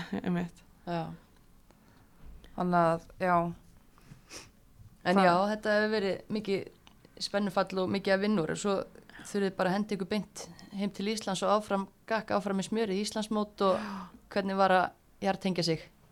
það var erfitt, ég get alveg sagt ykkur það Mm. líkudagi það var Spennt. Þór Káa var bara með mikla fórustu á þessum tíma Mm -hmm. og við vorum ekki í byggarstunum og þetta var bara svona hvað erum við að bara maður kemur bara heim og bara já ok bara mættur í vinnu og, og bara næsti leikur og þetta var mjög erfitt sko. En, en þá var líka þá bara ok við höfum enga að tapa og þá var líka bara svona að finna gleðin aftur bara ok ég ætla bara að hafa gaman og spila með þessum stelpum og ég var líka alveg með í hugan og bara ég er tilbúin að fara út í sko þetta gæti verið síðasta tímabili mitt hérna. Mhm. og ég ætla bara að gera allt sem ég get til þess að komast næði að vera Íslandsmestari og það næstu í tókst þannig að endan tveimur stegum eftir Þór Káa. Mjög dramatíst, þannig En það er líka einmitt það. Það var, það var, þetta EM var svo stórt og það var kannski, maður áttaði þess ekkert á því að það var í líf eftir EM, skilur nei mitt þetta er svona sem maður hugsaði ekki út í. Bara já, ég er búin að ná markmiðinu mínu. Einmitt, hvað svo? og þetta er búið og þetta var svona stærsta markmiði líka. Mm bara langtíma og svona semi-draumur líka. -hmm. þannig að koma heim bara ok, hvað er næst eiginlega Mm. hvað, Einmitt, það er líf. já, það, það, það er líf eftir mæta, það þarf að mæta í leiki og þú veist, já, En, En- þú ert, já, valinn besti leikmaður breyfleik setti tímabilið, eða ekki? jú Það lítur að verið góð viðkenning. Já, mjög góð. Ég var mjög stolt að því og þetta er mér þykir ótrúlega vendum þetta félag og mér fannst ég að hafa alveg unni góða vinnu fyrir félagið og að hafa gott að enda þetta svona. Mm. Vissir þarna að þú, þú veist, eins og þú nefndir að hann, hugurinn var komin út, en vissir þarna að þú værir að fara að fara út? Já, ég var alveg komið með, eh, það var alveg að fara að sína mikinn áhuga og ég var alveg komið með umbóðsmanna þessum tíma og það var svona, ég var alveg ákveðin í þessu Mm. og uh, já, bara spurning hvert ég ætlaði að fara og hvað skref, hversu stórt og En þú byrjar að fara þarna til Valarenga í Nóri með henni Sisi úr IBVF. Mhm. Gunnhildur Issa var að spila þar. Hvað hérna, það er svona fyrsta eh, skipti sem þú ferð og æfir með svona atvinnumann klubbi, eða ekki? Jú, það var fyrst skipti og bara mjög góð reynsla fyrir mig og líka að æfa með Gunni og það var bara geggja hún náttúrulega eitthvað vél, þú veist, gem, já, já, hún er bara vél Mm. og bara sjá hvernig hún æfir og hérna, maður lærði mikið að því. Já. En svo er þetta svo fáranlegt ár, þetta er svo rosalegt fótbolta ár að þú ferð þarna og bara enn og aftur dælist í reynslubankan síðan kemur bara tveimur risa landsleikjum og hérna byrjum á Þýskalandsleiknum. Já, hann var náttúrulega undan, við byrjum á honum, hva, ok, hvað hérna, ok, allir svona, kannski, smá spennufalli eftir EM, heilt yfir, vonbrið að komast ekki áfram, þið mætið til Þýskalands uh, og þið vinnið Þýskaland á útivelli. Fyrsta liði til að gera það bara síðan 1700 og surkál, það er ekki tapast stigum í þessum undankeppnum. Hvernig fór það að því? Bara sínum hvað við getum. Við, og þetta var svolítið bara þannig, bara, ok, þetta er nýtt tæki fyrir okkur fyrir að sína hvað við erum góðar og að við eigum alveg heima hana og allavega nægja mér, ég, ég held að hafa alveg pottet verið á fleirum bara svona að fá bara eitthvað, já þetta var alltaf há markmið sem setti ykkur, Mhm. bara, bara nei við erum svona góðar og við getum þetta og líka bara þetta er Þískaland og hver vill ekki vinna Þískaland mm. og þegar maður kemst í svona bara bara eitthvað svona stuð, maður fer bara inn í eitthvað ég veit ekki hvað, ég kann ekki útskjöra og maður, það er bara allir á stumblasju Mm. Og það er svo góð tilfinning bara allir eru hann að gera 100% bara allur hópurinn, allt staffið og við erum bara með markmið og það eru bara allir að sömu leið og þetta var bara svolítið henni tilfinning bara já Þessi leikur var svakalegur. Ég hérna, var hann úti og ég var í blaðmannastúkunni og ég bara, ég var trillast Mhm. þessar síðustu mínútur. Hvernig var að spila? þetta var einn skemmtilegasti leik sem við spilað og en líka erfiðasti leik sem við spilað það fór bara öll orkan í hérna leik og Þú talar um að Gunnhildur Issa sé vél, ég meina þarna voru 11 vélar á Já. mótið þér. eins og ég segi, það kemur bara auka orka þegar allir eru á sömu blasju og allir eru að gera þetta 100% Mm. og ef að ykkur er ekki að gera 100% þá er bara nýft tíma bara, heyrðu, viltu drulla þér að standa þig betur eða bara, og það er við vitum alltaf hvað við getum Mm. og það er, það er svo gott líka við hópum bara, ef að ykkur er ekki að standa sig þá er alveg allt í lægi að segja eða bara nöðsilegt að segja bara, heyrðu, þú ert að rífa í gang Og það er ekkert persónulegt, ég meina Nei. þetta er fótbolti og það er allir bara vilja vinna. já, einmitt En þessar síðustu mínútu þegar þjóðarnir eru búin að minka munin, já. hvernig, hvernig leiðir? Hjartaði Og buksunum? Já, algjörlega sko ég þetta var bara eitthvað það var eins og maður væri á einhverjum í einhverju stríði bara Mm. og lætin líka á vellinum og þetta var bara, þetta var geggjað veist, og, og, og dómarinn flautar af þið vinni Þískaland ég meina hversu hátt uppi voruð þið mjög hátt uppi mm. og mér fannst þau alveg með það og ja. allir með það hann þetta var bara geggjað og ég trú, já et- maður er enda bara skjön sko. já svo þurfum við að fara beint eiginlega þarna í í tjekkaleikin og, og gera jafntefli við þær úti. Það er eitthvað sem ég meina þær eru með gott lið tjekkanir þetta er Mhm. ekkit ekki kannski vombriða úslit sérstaklega af því að þið unnu já, En var þá ekki, ég bara spyrir, þú veist eins og vinna Þískaland og gera svo jafnteflið Tjekkland, var það ekki svona bara, oh, þú veist, skipti þá Þískalands leikurinn að ég fattar veist, hann skipti náttúrulega auðvitað geggjað að vinna Þískaland en bara að vinna svo ekki Tjekkland, já. þú veist, hvað, Já, þetta vill maður vinna þann leik sko, við settum okkur það markmið að vinna tjekkana og við ætlum að taka fjögur stig út úr þessum tveim leikjum og við gerðum það en samt var maður svona, við hefum getið tekið sex stig. Mm. en síðan bara, þú veist, var þetta bara ekki nóg gott.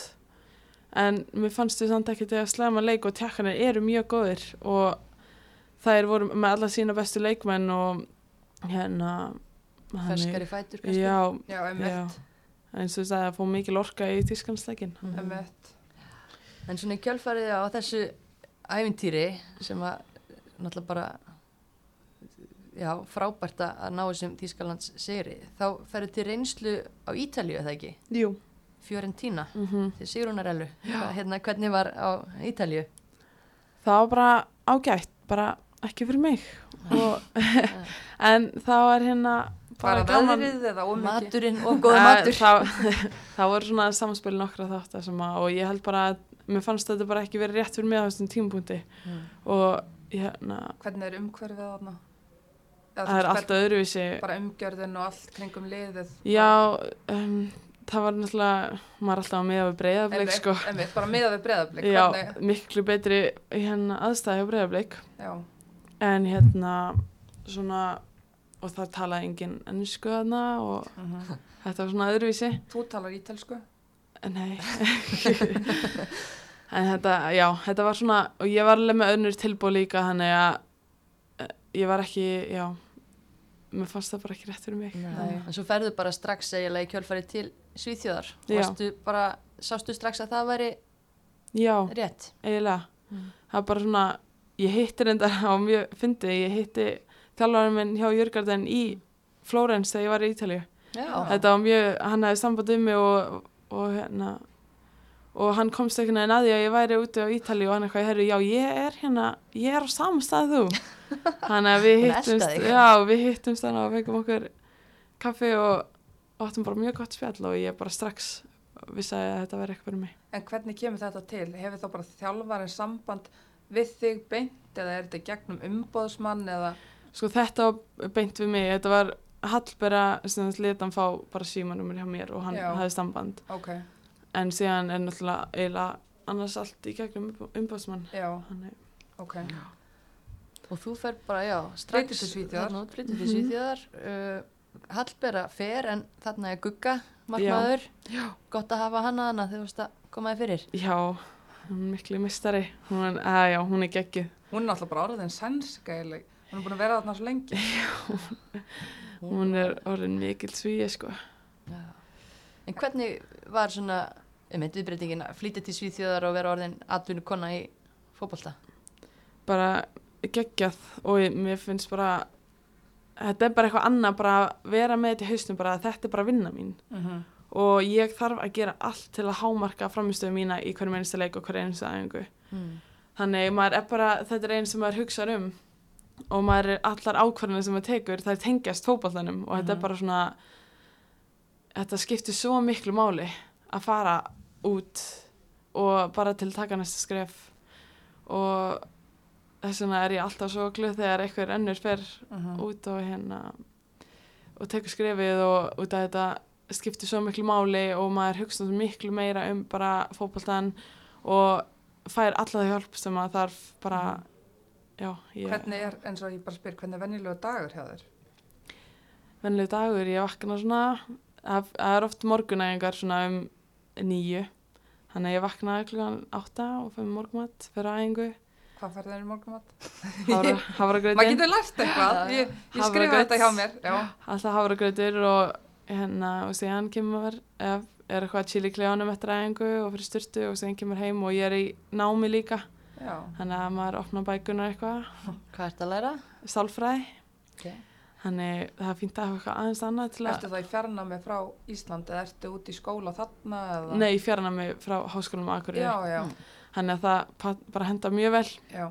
og síðan fyrir maður bara fyrir sér hátæðismat og endur, nei, undirbýr sig fyrir næsta æfingu Já, og mætir svona kannski svona klukktíma fyrr fer að rúlla og hita upp og spjalla og uh þannig að og þá er maður svona cirka kannski þrjá og hálfan tíma æfingu eða svona á sæðinu í klefanum og úti og eitthvað. Mm. og hvernig er umgjörðin þarna úti, þú veist, eins og miða við blika, blikar eru náttúrulega bara með bara mjög vel gert þar Já. allt, en hvernig er úti, þú veist, náttúrulega, já, aðstæðan er náttúrulega miklu betra, betri hér, bara klefa aðstæða og Já. náttúrulega innan hús fótballtahöll og okkur svona. Já, en hérna maður fær það miklu meiri aðstóð úti. Já, og það er bara allt gert til þess að maður nái að recovera, að vinna í veikleikum. Mm. og það er einhvern veginn svona allar meira á sömu blaðsíðinni Já. með hérna, hvað var það metnað bara? Já, Já, talandi um metna, Gugga, hérna, sagði okkur að þú hefðir bara strax á fyrstu aðingu mætt bara grjótör, sterk og látið finna fyrir þér og þú hefði fengið við nefnið monstret. Eða, eða skrýmislið bara strax þarna í, í byrjun. já, svíjani getur verið svolítið við kamera núti sko, nei, ég segi svona.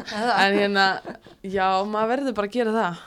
Og líka bara veit ekki, ég tók þessu bara sem tækifæri til þess að koma mér líka á hæra level og ég vildi ekkert koma hana bara til að vera bara, bara til að vera með Mhm. ég ætlaði bara að mæta og bara leggja mitt fram og hafa áhrif og vera leiðtögi og, og þá þarf maður bara að mæta og vera svolítið bara með kassan út og bara, já, óhrættur við að mhm. og, já, En hvernig, hvernig blanda er þetta í liðinu? Eru, er þetta bara sænska stelpur eða er þetta landsliskonur eða, Já, það var mjög fjölbreyttur hópurinn í ár sko.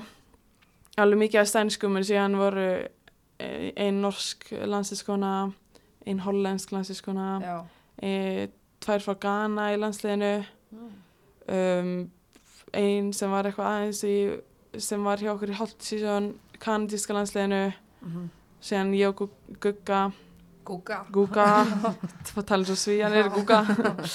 uh, hérna, já, ég, ég kannski gleyma ykkur með þetta er mjög Já. mikið blanda Já. og alveg mikið hérna, landslískonum og sem var mjög gott Mhm, einmitt. Getur lært af svona fjölfjóða lið? já, maður lærir ótrúlega mikið og bara líka menninguna og svona ég einhvern veginn hafði aldrei pælt í því eitthvað að koma mismunandi fram við mismunandi einstaklinga, ég var alltaf bara nei, ég bara kem fram við alla Já. bara eins en það er svona já, svíjan er svona maður þarf aðeins að passa sig og nota fallega tónin Ekki íslenska ruttaskap? Nei, en hérna, maður lærið það fljótt og en síðan er líka hægt að kenna þeim líka og Mhm. mér fannst ég ekkert þurfa bara að verð, breytast og vera ykkur önnur bara út að ég var í nýju landi og ég þurfti bara að vera eins og þær. Mhm. Mér finnst alveg mínir eigin íslensku eiginleikar hjálpa til og ég, sagði, ég kom líka bara hreint út og ég sagði bara ég er bara að gera það sem er best fyrir liðið Mm. og þetta er ekkert personlegt og það lærðu líka á það Mm. fyrst voru það bara oh, Ingeborg hata mig, hún er alltaf að öskra mig og ég er alltaf bara, ég hati ég neitt Ég er bara að vinna. já, bara þannig, þetta, þetta var já, þetta var erfitt fyrst en síðan komið allt og þetta er, það er þekkja mig núna Já. Og nú er að bætast Rósi Nappagatti, Guðrún vinkona en hún er hérna, komin, komin til ykkar. já, og það er geggja og Guðrun á þetta sann, svo sannanlega skili og eftir alla vinnunum sem hún er búin að leggja á sig og já, bara ég get ekki veðið eftir að hafa hana með mér En hvernig er, veist, vantar ykkur hafsend eða er hún að fara í brjálega samkefni, hún er náttúrulega auglustlega að fara í brjálega samkefni en ég Já. þú veist, er verið að fá hana af því að vantar í hennar leikstöðu? Já, það fór náttúrulega einn varnamæður í fyrirastum að til Juventus. Mm, Þannig að við mistum hana, þannig að hefur svona vanta aðeins hafsend en það verður bara samkefni og það verður enn aftur erfitt að vera í samkefni við einu bestu vinkunum sinum, þannig en það er bara gaman að styrkja okkur báðar og er bara betra og hérna, það er bara gaman. Mhm, já, Svo akkurat. ég segi, alltaf gaman eða fleiri fara út og Einmitt. fara challenge eða sjálf sig og Það er bara flott og hérna, já, og þér líður vel að núti og, og, og en þú talar um að þú sitt að horfa jafnvel ennþá lengra, ég meina hvað er, já. hvað er planið? planið, þetta er bara rétt að byrja ég, allavega mér langar að eiga gott tímabil á næsta ári í Svíþjóð það var svona, ég mér fannst ég ekki nógu stabil í sumar þetta var svona út af, þetta er bara hver einstu leikur er svo mikilvægur og erfiður og ef maður er bara ekki 100% að performa þá bara á maður lélega leik það er alveg ráðast á mann þegar maður gerir mistök Mhm. Þannig það var svona svolítið sem ég tók út frá þessu ári og mér langar að eiga gott tímabili næsta ári og síðan bara reyna að stefna sátt og ég get og já, En hvernig er þessu munurinn bara á hérna sænsku deildinni þannig að það eru, það eru bara sterkari lið þarna Mm. heilt yfir. já, Þú finnir það alveg, það er, já, já, bara allir leikir eru eins og úsliðleikir og það skiptir ekki máli úr að keppa við hérna, botliðið eða topplið, þetta er alltaf jafni leikir. Uh og eins og sáum bara að það voru þrjú lið sem gætu verið mistara núna. Mhm. og, hérna, og líka einhver þrjú fyrir lið sem gætu fallið. Þannig og þetta er bara geggjað og svona vill maður líka hafa þetta. Maður vill alltaf vera, þurfa að vera á tánum. Þannig bætir maður sig og, og vera með samkemni er bara það best sem að, maður gerir. Mm. Og svona drauma lið eða land til að spila í, í framtíðinni? Þískalandin og Draumalandið og segjan bara fara alla leið sko. Mm. vinnamestradöldina er mitt hæsta markmið, eða mest markmið og ég ætla að ná því ekkert í mann og en síðan að fara á, á HM Já. og ég held ég hætti ekki fyrir en ég fara á HM Nei, og kannski aðeins aftur að landslýsárunu, þetta er náttúrulega eftir innan sjúka sigur á, á Þýskalandi þá einhvern veginn virtist HM alltaf vera svo nálægt og Mhm. nú er náttúrulega kannski allt í lagi að fara að ræða málum, fólk er búið að hafa tíma til að melta, ég meina þetta endar náttúrulega í vonbröðum að, að tapja fyrir Þýskalandi heima og gera svo jafntöflu við tjekka og bara öll Mhm. dramatíkjum þurfum ekki að rifja það upp fólk mann þetta en þá vel, hvað hérna hvernig er svona þín sína á þessu undankefni núna þegar hún er búin? bara náttúrulega vonbrið en hérna en þetta er svona já maður var, maður var bara í hausnum bara farin að Einmitt. Eða, ég var, maður var bara, við erum að fara að ná, komast að HM, við erum svo nálægt í og við vorum bara búin að ákveða, við erum að fara á HM og við ætlum að gera allt sem við gátum. Og þegar maður setur sér svona eins og bara setur sér hámarkmið og mikla kröfur þá er það bara meiri skellur þegar það næst ekki. Mhm. en ég held að maður verður bara að vera tilbúin að taka því og það er ef maður setur sér ekki háa markmið og setur ekki mikla kröfur þá er maður ekki að fara nálátt Mhm. og bara þetta fylgir bara með bara. og þetta var bara já, drullu erfitt Já, hvernig var að í- jafna sig eða þú veist Ertu búin að jafna Já, þig? emmitt, þetta er alltaf að koma þú veist bara emmitt, þið eruð eigið svo mikla möguleika, þið eru bara á leiðinu svo segir á HM, svo koma þessi tvei leikir er eitthvað sem þú sér það þegar þið geta gert öðruvísi eða þú veist, hvað fór úrskeiðis í, nú var Þýskalands leikurinn bara, ég meina, drullu stert lið og, og hérna þannig. En hvað svona eins og við tjekkaleikin, hvað gerðist? Ég meina fólk, það, hann var á leiðilegum tíma hann var spilaði klukkan, þannig að það var nú ekkit það var nú ekkit full stúkan. Nei. en hvernig var svona eins og spila þann leik og þið náðuð ekkit að sína eitthvað rétt andlit í þeim Nei. leik? Um, ég sko sé ekki eftir neinu í undakemni mér fannst eins og við, haf, við hefum gert allt sem við gátum til að Mhm. vinna. En ég held samt svona við ætluðum okkur svo mikið að klára þetta í þýskanasleiknum Mhm. og þá einmitt kemur aftur, aftur að maður var ekki búin að hugsa ná mikið um tjekkaleikin eða svona bara hvað gerist ef við töfum á Þýskalandi? Hvað, Ja. hvað þá? Það var bara það var bara ekki stöðuna að tapa Þýskalandinu við vorum bara nei við ættum ekki að gera það þannig kannski það en samt, ég er samt bara svona ég sé ekki eftir neinum, mér finnst við að hafa gert allt sem við gátum. Full Mhm. stúkan var ekki slegið áhörendumett á móti Þýskalandi? Jú, ég meina, stúkan full í fyrsta skipti, ég meina, það er Já, eitthvað geggjað til að hafa upplifað jú, það Það- er náttúrulega mikið afreg það var ekki plássin í fréttamannastúkunni ég veist að setja úti með tölvuna. Það var bara, það var svo mikið að fjölmila fólki og þetta var svo risa stórt einmitt og svo bara einhvern veginn að kúpla sig ok, þetta fór svona og þið höfðu þann þá sjens þegar kom að tjekkaleiknum var þetta fannst þér þetta það mikill skellur að tapa þýskalandsleiknum að Mm. það var bara, ég veit það ekki? Mm, Mér fannst að við bara ekki komast í takti í tjakkaleiknum já, Mér fannst við alveg undirbúnar eða við náðum alveg að skipta um gýr hana á milli leikja. Mhm. en hérna já, við vorum bara við komumst bara ekki í takt Mhm.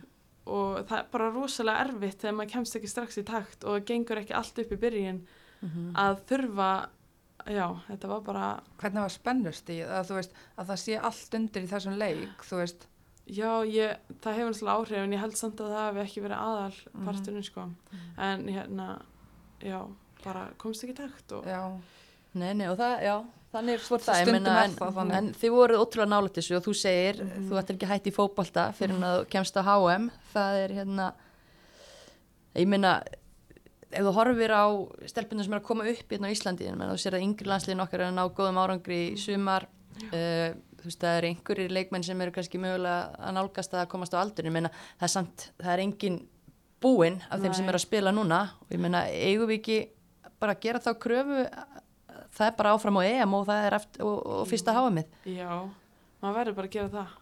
Það þýr ekkert slaka á, þú veist, allar aðra þjóðir eru að stíga upp og við þurfum að gera það líka. Og mér finnst stelpunar vera mjög góðar, þessar ungu stelpur og U19 og U17 bara eins og segir að ná í flott úslit. Þannig ég held að þetta sé bara, já, bara bjarti tíma framöndan, sko, en það þarf alveg að stíga upp og einmitt challenge að sjálfa sig og reyna að gera sitt besta til þess að einmitt fá samkemni og verða betri og ekki sætta sig bara við að vera komin í landsliðið, þú veist, þú vilt að vilja alltaf meira, já. já. og líka bara það, þó þú sért komin í landsliðið eða bara sért nálætt í eða komin í mistarflokk eða eitthvað um leið að þú eru betri þá hjálpar að liðinu og ef fleiri leikmenn eru betri þá mun liðist þið upp og það mun vera betri og við munum komast að HM en það það bara við erum lítið land og það þurfa bara allir að vera í bara sín, sín besta útgáfa. Og einn kannski loka spurning bara, hvar sjáum við þig, þú ert nú ekki, þú ert nú ekki gömul, þú ert hvað, 20, 21? já, Hvar sjáum við þig eftir 5 ár?